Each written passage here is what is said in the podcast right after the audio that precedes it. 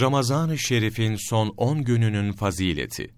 Allahu Teala Kadir gecesi bin aydan hayırlıdır buyuruyor. Kadir suresi 2. ayet. Yani Kadir gecesindeki amelin kendisinde Kadir gecesi bulunmayan bin aydan hayırlı olduğunu beyan etmiştir. Kadir gecesi Ramazan-ı Şerif'in son 10 gününde aranır.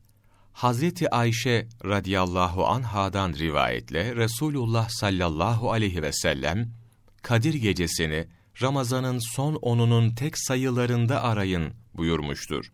Kullar amellerine güvenmesinler diye Allahu Teala Kadir gecesini tam olarak insanlara bildirmedi. Bu durum Allahu Teala'nın kullarına ömür ve ecellerini bildirmemesi gibidir.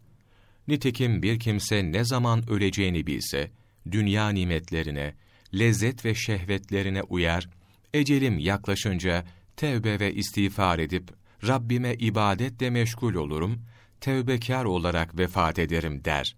Bu sebepten bu düşünceye kapılmamaları, her zaman ümit ve korku arasında bulunup ölümden korkmaları, her an iyi amelleri arttırmaya uğraşmaları, tevbeye devam etmeleri ve ahirette Allahu Teala'nın rahmetiyle azaptan kurtulmaları için ne zaman ölecekleri onlara bildirilmemiştir. Hazreti Ayşe radıyallahu anha buyurdu ki, Resulullah sallallahu aleyhi ve sellem bu on gündeki ibadet ve taat hususunda diğer günlerden daha fazla önem verirdi. Resulullah irtihal edinceye kadar Ramazan'ın son on gününü itikafta geçirdi.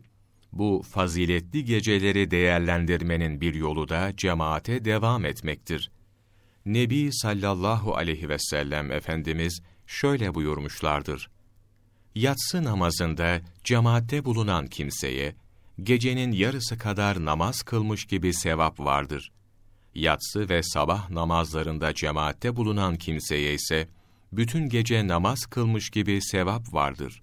Tirmizi İnsanlar yatsı namazıyla sabah namazındaki fazilet ve sevabı bilselerdi, emekleyerek bile olsa mutlaka camiye, cemaate gelirlerdi buyurmuşlardır.